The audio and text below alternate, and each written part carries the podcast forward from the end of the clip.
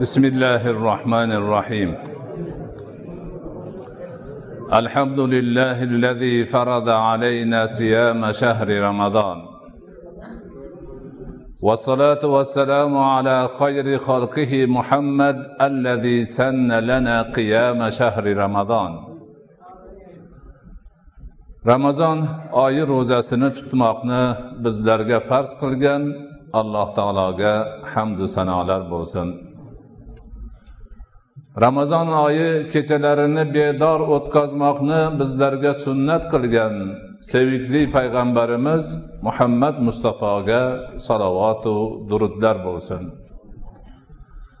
اللهم لا سهل إلا ما جعلته سهلا وإن شئت جعلت الحزن سهلا بقدرتك يا أرحم الراحمين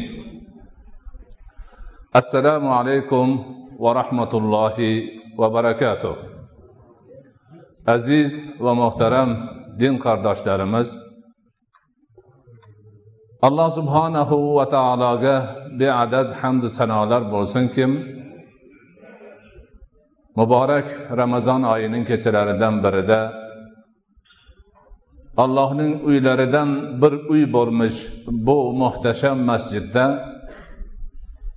allohning kalomi qur'oni karimni xatm qilish doirasida muloqotda bo'lib suhbat o'tkazish baxtiga muyassar bo'lib turibmiz. Alhamdulillah yildan yilga ibodatlarimiz yaxshi bir saviyaga ko'tarilib o'qiyotgan namozlarimiz tutayotgan ro'zalarimiz berayotgan zakotlarimiz qilayotgan hajlarimiz borgan sari yaxshi bir saviyada nihoyatda mamnun bo'ladigan darajada rivojlanib kelmoqda. Lekin shu bilan birga kishilarimiz o'rtasida tabiiy bir savollar ham paydo bo'lmoqda. Nima uchun odamlar namoz o'qib turib bir birini aldashadi? Ikki shaxs yonma yon turib allohga ibodat qilib sajdaga bosh qo'yadi. Masjiddan chiqqandan keyin biri ikkinchisini aldaydi. Nima uchun? Ro'zani tutib turib kishilar yolg'on gapiradi. Nima uchun? Zakotni berib turib orqasidan birovni molini yeydi. Nima uchun hajga borib kelib turib avvalgi holatidan battar holatga o'tadi? Ho'p namozni o'qidik ro'zani tutdik. Endi nima qilamiz degan savollar haqli ravishda berila boshladi. Mana shu holatlarni e'tiborga olib ulamolarimiz bilan maslahat qilib yuqorida zikr qilingan savollarga javob bo'lishi uchun ko'nglimizni g'ash qilib turgan ana shu noqulay holatlarni muolaja qilib tuzatish maqsadida bu ramazon oyida alohida bir darslar uyushtirishni niyat qildik. Bu darslarni qalb pokligi ruh tozaligi axloq sayqali va ramazon deb nomladik. Haqiqatdan hammamiz yaxshi bilamizki har bir inson jism va ruhdan iborat. Jism insonni sirtini ko'rsatib turadigan narsa. Ruh esa qalb esa insonni ichki dunyosi. Alloh taolo qur'onni shariatni o'zini ta'limotlarini badanga emas qalbga ruhga yuborgan. Shuning uchun ibodatlarni badan bilan qilsayu qalb bexabar g'ofil qolsa ruhning tarbiyasi bo'lmasa yuqorida aytilgan holatlar namoz o'qib ro'za tutganlardan chiqaveradi. Inson badan va ruhdan iborat ekan badanni bemorligini xastaligini davolaydigan muolajalar davolar shifolar dorilar bor ekan qalb ham bemor bo'ladi. Payg'ambar alayhissalotu vassalom aytadilarki inna fil jasadi la mudghatan in salihat saluhal jasadu kulluhu va in fasadat fasadal jasadu kulluhu odamni ichida bir parcha go'sht bor chaynalgan shaklda. Agar o'sha narsa yaxshi bo'lsa insonni badanining barchasi yaxshi bo'ladi. Agar o'sha narsa buzilgan bo'lsa inson badanining barchasi buzilgan bo'ladi bilib qo'yinglar o'sha narsa qalbdir deydilar. Ana qalbning davosi. Qalbni poklanishi ruhni tozalanishi axloqni sayqallanishi hamma hammasi siz bilan bizning qilayotgan ibodatlarimizni samarasi bo'lishi kerak. Alloh taolo tuproqqa suv quyib loy qorib sopoldek bo'lgan insonni jasadini yasab turgandan ana shu qotib qolgan jasadga o'zining ruhidan jon puflaganda tirilib turganidek jasad shaklida yotgan ibodatlarimizga biz ham ruh kiritishimiz kerak. Jon kiritishimiz kerak qalb kiritishimiz kerak ularni harakatga solishimiz kerak. Aynan mana shu maqsadda ramazon oyi ichida allohdan yordam so'ragan holimizda silsila darslarni uyushtirmoqdamiz. Avvaldan mana shu tibbil qulub qalblarni tabobati deb atalgan ilmni tarixini maqsadini ko'zlagan samarasini uning asosida tashkil qilgan buyuk bobolarimizni hayotlaridan namunalar yozgan kitoblaridan va oxiri kelib o'zimiz ham bir ruhiy tarbiya deb nomlangan katta bir yarim ming sahifalik balki ziyoda kitob yozganimiz birinchi juzi poklanish deb atalishi ikkinchi juzi tiklanish deb atalishi uchinchi juzi xulqlanish deb atalishini aytib o'tib ana shu kitobdan ba'zi bir ma'lumotlarni siz azizlarga taqdim qilib kelmoqdamiz. Boshqa masjidlarda. Qalb pokligi ruh tozaligi axloqni sayqallashda ibodatlarni o'zini tutgan o'rni borligi qalbni poklashga ular vosita ekanligini aytib turib bu vositani tahorat namoz zakot ro'za haj ibodatlarida qanday yuzaga chiqishini alohida alohida yakka yakka masjidlarda aytib o'tdik. Bugun sizlarni muborak masjidingizdagi yig'ilishimizda navbat qalbni poklash uchun ruhni tozalash uchun axloqni sayqallash uchun tilovati qur'on tutadigan o'rin mavzusiga keldik.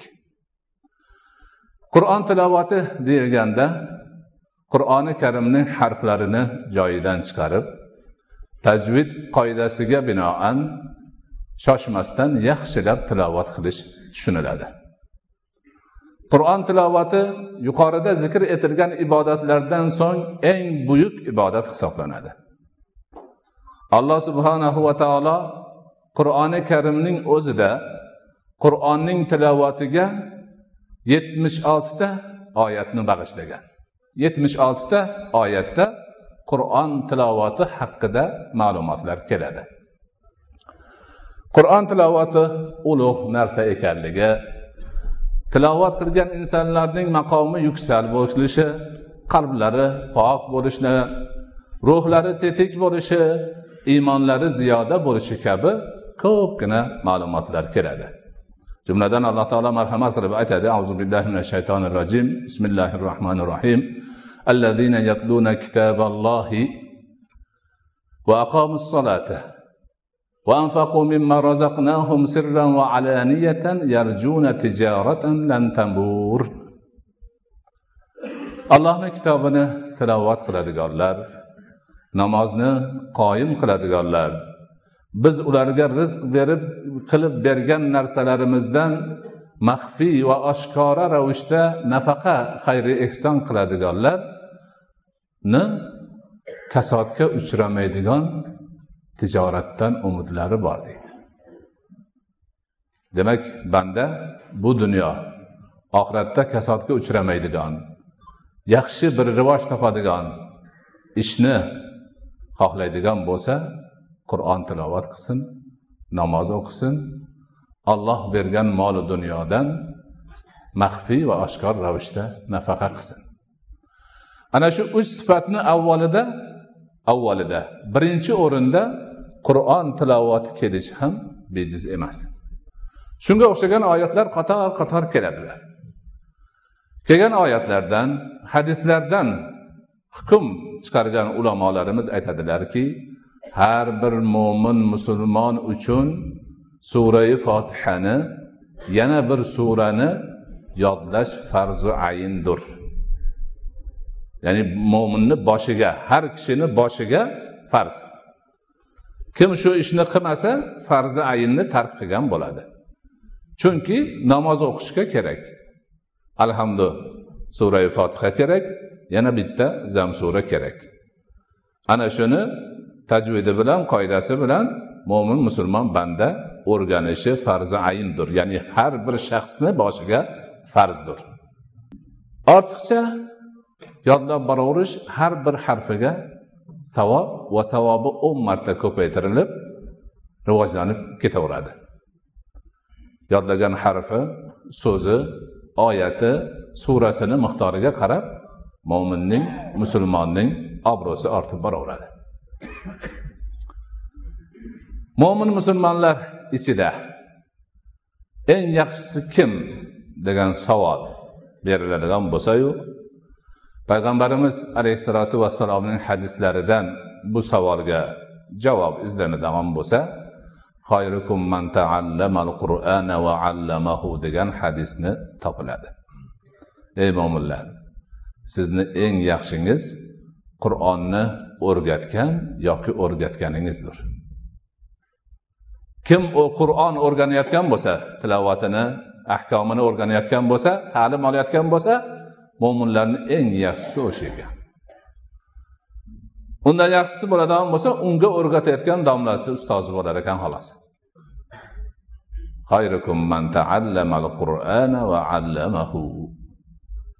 Sizlarning eng yaxshilaringiz qur'onni ta'lim olgan va undan ta'lim berganlaringizdir deydilar payg'ambar alayhissalotu vassalom boshqa bir hadisda payg'ambarimiz sollallohu alayhi vasallam aytadilarki qur'onni o'rganayotgan kishi o'qiyotgan va unga amal qilayotgan kishi kiromul barara bo'lgan farishtalar bilan birgadir. Qur'on o'rganish unga og'ir keladigan kishiga esa ikki ajr beriladi. Qur'onni o'rganib unga amal qilayotgan odam arshda lavhul mahfuzni tutib turadigan barara degan farishtalar bor ekan shular bilan birga ekan. Endi birov qur'on o'rganyaptiyu osonlikcha o'rgana olmasdan qiylanyapti tili kelmayapti yodidan chiqib qolyapti o'qishda qiynlanyapti yodlab olib qolishda o'nta yuzta ikki yuzta takrorlash kor kelmasdan mingta ikki mingta takrorlashga qiylanyapti unga savob ikki barobar berilar ekan. O'qiganiga bir barobar qiynalganiga yana bir barobar ana qur'onni savobi qandoq? Fazli qandoq?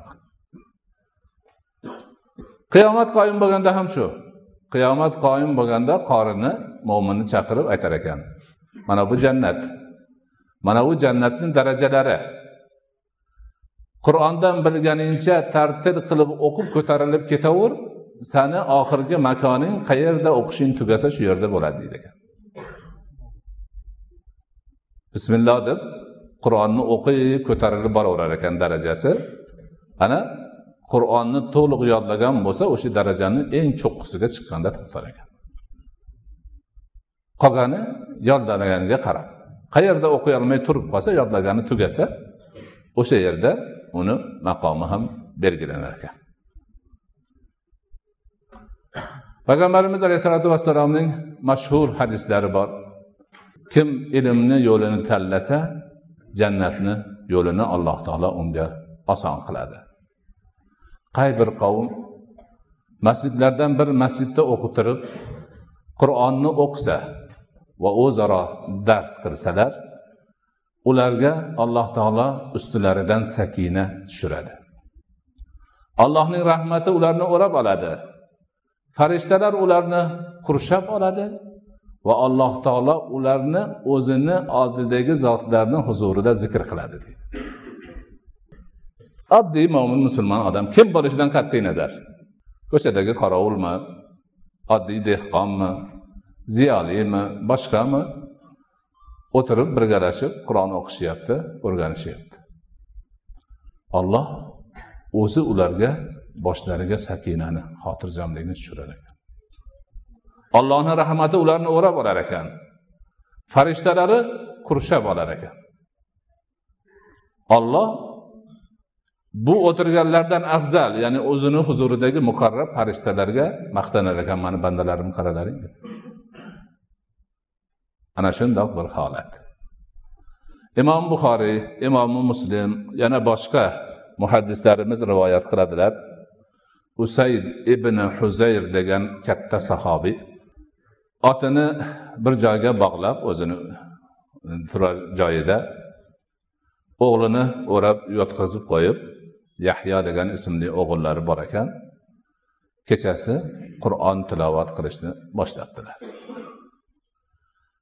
Bir muddat tilovat qilganda ot tipirchilab qolibdi. Otni ikkita arqon bilan bog'lasa ham qattiq tipirchilaganidan u kishi qo'rqib tilovatni to'xtatibdilar. Ot ham tipirchilashni to'xtatibdi. Endi ot tinchidi degan niyatda bo'lsa yana qiroatni boshlasalar ot yana tipirchilashni boshlabdi to'xtasalar to'xtabdi yana boshlasa yana tipirchilagan keyin o'g'lim yahyoni bosib ketmasin bosib olmasin bu tipirchilaverib deb qiroatni yig'ishtirib ertalab turib bomdodga borganda rasuli akram alayhissalotu vassalomga bo'lgan hodisani gapirib beribdilar. Shunda rasuli akram alayhissalotu vassalom aytibdilarki otni tipirlashi sani tilovatingni xayridan barakasidan osmondan tushgan farishtalarni ko'rganidan tipirchilagan. Agar to'xtamay o'qib turganingda namozga kelayotgan odamlar ham ularni ko'rar edi degan ekanlar. Tilovati qur'on ana shundoq ulug' ish. Bandani qalbini poklaydigan o'zini robbil olaminga yaqin qiladigan bu dunyoda martabasini orttiradigan oxiratda shafoatchi bo'lib qur'on uni jannatga olib kiradigan bo'ladi. Nafaqat shafoat qilib ey banda ey robbim bu bandang mani o'qigan edi uyqudan qolgan edi yodlayman deb qiynalgan edi man shafoatchilik qilaman buni jannatga kir deyish bilan kifoyalanmas ekan. Qur'on yana boshqa talab ham qo'yar ekan allohga iltimos qilar ekan. Ya robbi hallihi ey robbim bunga sarpo kigiz deydi shunda deyiladi hadis sharifda payg'ambarimiz alayhissalotu vassalom Alloh haligi bandaga izzat tojini kiydiradi. Qur'on yana aytadi yana kiygiz deydi. Ana unda karomat sarposini kiygizadi alloh taolo. U ham yetmaydi. Ey olloh ey robbim man shafoatchiman bu bandangdan rozi bo'lgin deydi ekan. Roziman deydi ekan alloh taolo. Qur'on qiroatini ulug'ligi fazli haqida juda ko'p hadislar kelgan. Shuning uchun mo'min musulmon banda qo'lidan kelganicha qur'on tilovatini o'rganishi kerak. Nihoyatda yaxshi bo'ladi. Qarib qolgan o'rganishlari qiyin odamlar tinglasa ham boshqalar ham tinglasa nihoyatda katta savob qur'on tinglash ham buyuk savob hatto payg'ambarimiz alayhissalotu vassalom o'zlari qur'on tinglaganlar. Sahobalardan birlari qur'on o'qib o'tirganlarida sekin orqalaridan borib tinglab o'tirganlar. Sahobiy ko'rib qolib to'xtaganda o'qi man tinglayapman deganlarida ey ollohni rasuli qur'on o'zi sizga nozil bo'lsa bo'lsayu mandan tinglaysizmi? Deganda ha robbim shunga amr qildi degan qur'onni ana shundoq tinglash ham buyuk bir savob beradigan insonni qalbini darzaga soladigan poklaydigan omillardan biridir. Buni faqat eski kitoblarimizda hadisi shariflarda ulug'larimizni gaplaridagina isboti bor emas. Balki yangi ilm ham tasdiqladi. Man bundan yigirma yil yigirma ikki yil oldin jazoirni stif shahrida bir ilmiy anjumanda bo'ldim. Shunda sudarlik doktor zubayr degan bir odam chiqib g'arbda yashar ekan o'sha yoqdan kelgan. Qur'onni fazli haqida so'z yuritib aytdiki qur'onni kishilarga ta'sirini ilmiy tajribadan o'tkazildi. Hozirgi zamonda insonni ruhiy holatini belgilaydigan asbob uskunalar chiqqan. Shuni bog'lab qo'yib insonni ruhiga ta'sir qilinsa ruhi qanaqa e, ruhoniyati qanaqa o'zgarayotganini demak asbob ko'rsatadi. Mana shuni qur'onda tajriba qilib ko'rildi deydi haligi odam. Haligi asboblarga avval mo'min musulmon arab kishini qo'yildida unga qur'on eshittirildi. Asbob uni ruhi ta'sirlanayotganini juda katta bir halovat olayotganini ko'rsatdi. O'zi arab bo'lgani uchun ma'nosini tushunyapti ham iymoni bor. Qur'onga iymoni ham bor ma'nosini ham tushunyapti.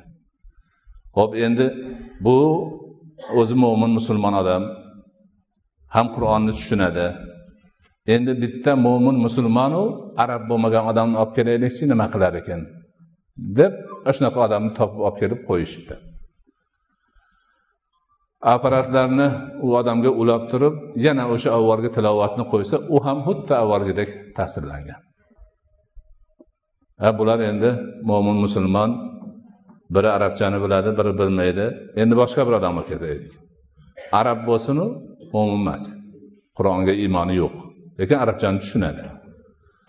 Uni qo'ysa u ham ta'sirlanyapti to'xta endi deb turib na arabchani na qur'onni hech narsani bilmaydigan butunlay boshqa odamni qo'ysa ham ta'sirlanyapti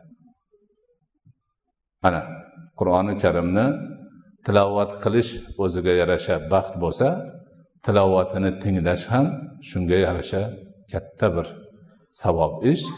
Hamda insonni qalbiga ruhiga ichki dunyosiga ta'sir qiladigan poklaydigan omillardan biri hisoblanishini bugungi kunni na islomdan na qur'ondan na boshqadan xabari yo'q olimlar tajriba qilib o'tkazganligini natijasi. Ana shu e'tibordan ulamolarimiz qur'on tilovatini odoblariga rioya qilishni tavsiya etadilar. Qur'on tilovat qilmoqchi bo'lgan har bir banda qur'onni tahorat bilan o'qish kerakligini unutmasligi kerak. Qur'on kitob shaklida mushaf bo'lsa mushafni tahoratsiz inson ushlab bo'lmaydi. Va tilovat qilayotganda tahoratli bo'lish nihoyatda kerak samarali bo'ladi. Ana undan keyin qur'oni karimni ehtirom qilgan holda o'qish kerak. Xotirini jamlab boshqa narsaga mashg'ul bo'lmasdan o'qish kerak. Odob bilan o'qish kerak. Yonboshlab chordana qurib yoki bir narsaga suyanib olib oyog'ini uzatib emas cho'ka tushib odob bilan qiblaga qarab o'tirib niyat qilib o'qish kerak. Qur'oni karimni tilovat qilayotgan shaxs qalbi hozir bo'lishi kerak. Qalbi hozir bo'lishi kerak degani mashg'ul bo'lib turgan ishidan boshqa narsani xayoliga keltirmaslik kerak. Qur'on tilovat qilyaptimi? Shu qur'onni tilovatidan boshqa narsa qalbida bo'lmasin. Qur'on tilovat qiladigan inson tilovatni me'yorida qilish kerak. Ya'ni ortiqcha ko'p o'qib o'zi charchab horib qoladigan darajaga bormasligi kerak. Qur'on tilovat qiladigan inson haddan tashqari tez o'qib harflarni joyidan chiqarmasdan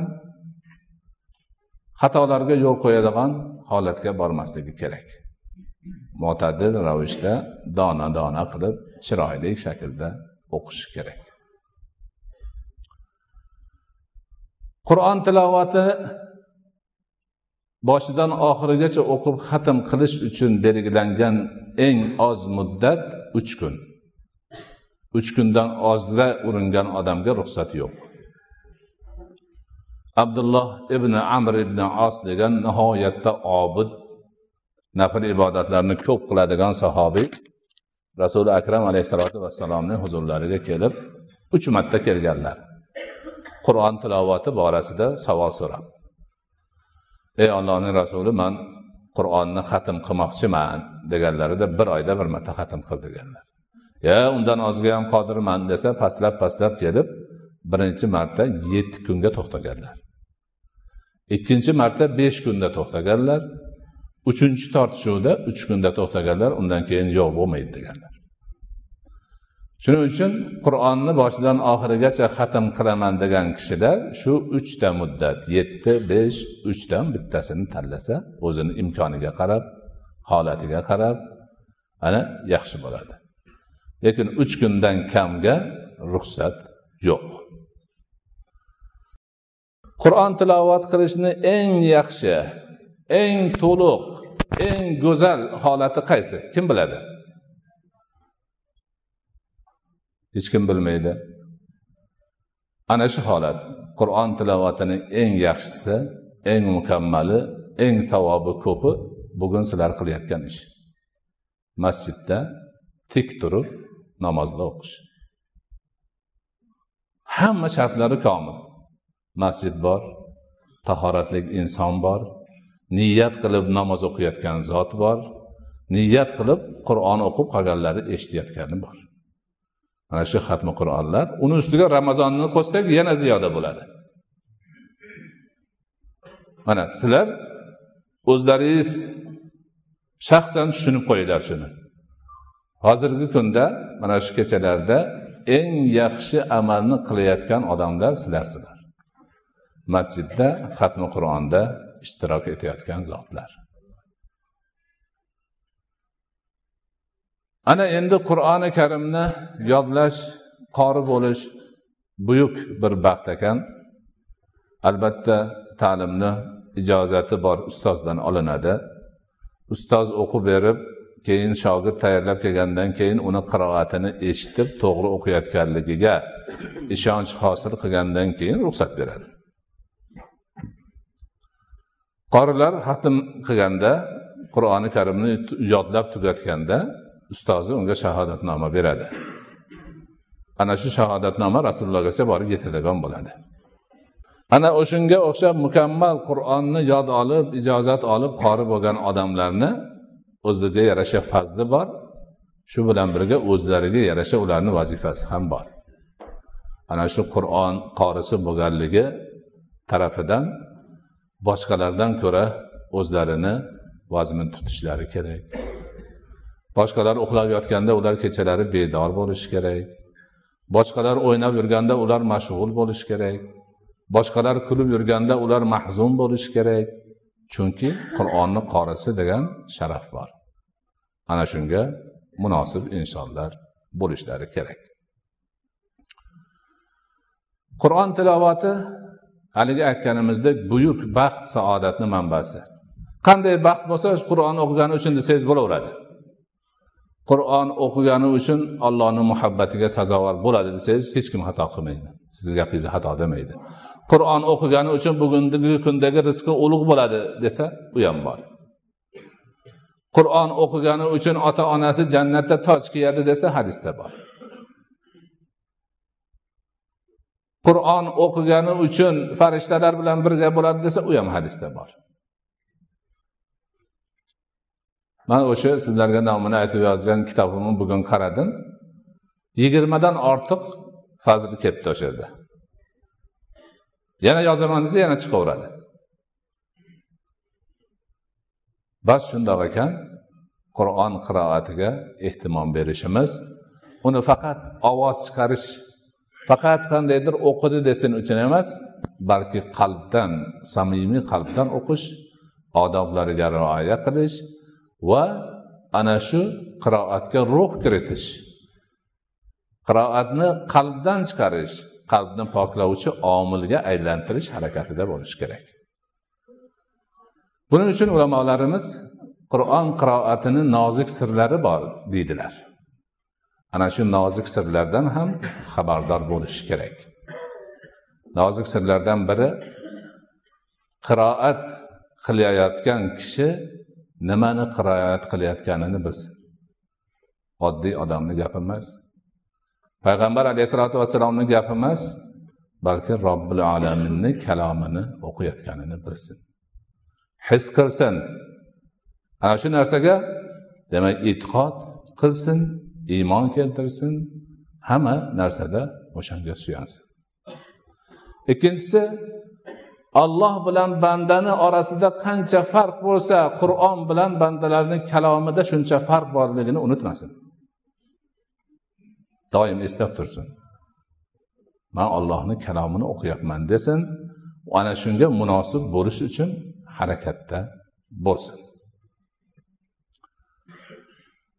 Qur'on qiroatini ruhi qur'on qiroatini darajalari juda ajoyib. Oddiy qiroat bor. Tadabbur bilan qiroat qilish bor. Qalb hozirligi bilan qiroat qilish bor lekin ulardan ham ustuni. Qiroat qilayotgan inson olloh mani ko'rib eshitib turibdi degan his tuyg'uni butun vujudiga singdirgan holda qiroat qilish. Har bir harfini so'zini oyatini olloh o'zi eshitib turibdi degan hisni qilsin. Butun vujudi bilan bilsin. Ikkinchi darajasi qalb ko'zi bilan ollohni ko'rib turib o'qisin. Man ollohni kalomini o'ziga o'qib beryapman. Mani qiroatimni olloh eshityapti degan to'liq ishonchni o'ziga singdirgan holda o'qisin deydi. Uchinchisi olloh manga o'zi kalomini o'qib beryapti degan daraja bo'lar ekan. Buyuk imomlardan jafar sodiq rahmatullohi alayh namoz o'qib turib hushlaridan ketib yiqilibdilar. O bir vaqtdan keyin hushga keltirib qarab so'rashib tinchlikmi nima bo'ldi? Desalar qur'on namozda qiroat qilib turib bir maqomga yetdim. Shu oyatni takror o'qib avvalo o'zim ollohni ko'rib turgan darajasiga yetdim. Keyin ollohni o'zidan eshit e, keyin jibril alayhissalom payg'ambar alayhissalomga o'qib berayotgandek eshitdim. Undan keyin ollohni o'ziga o'zidan qiroat bo'layotganini eshitdim toqatim yetmasdan yiqildim.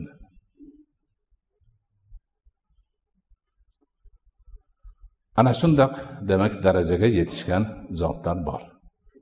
Faqat qiroat tufayli.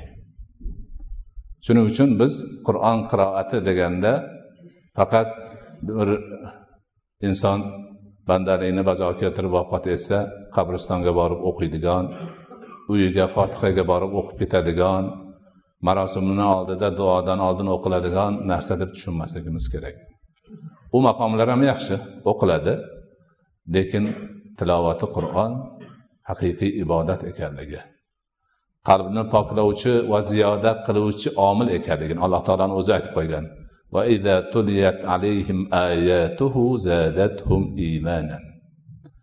Agar mo'minlarni sifati shuki ularga ollohning oyatlari tilovat qilinsa iymonlarini ziyoda qiladi deyiladi.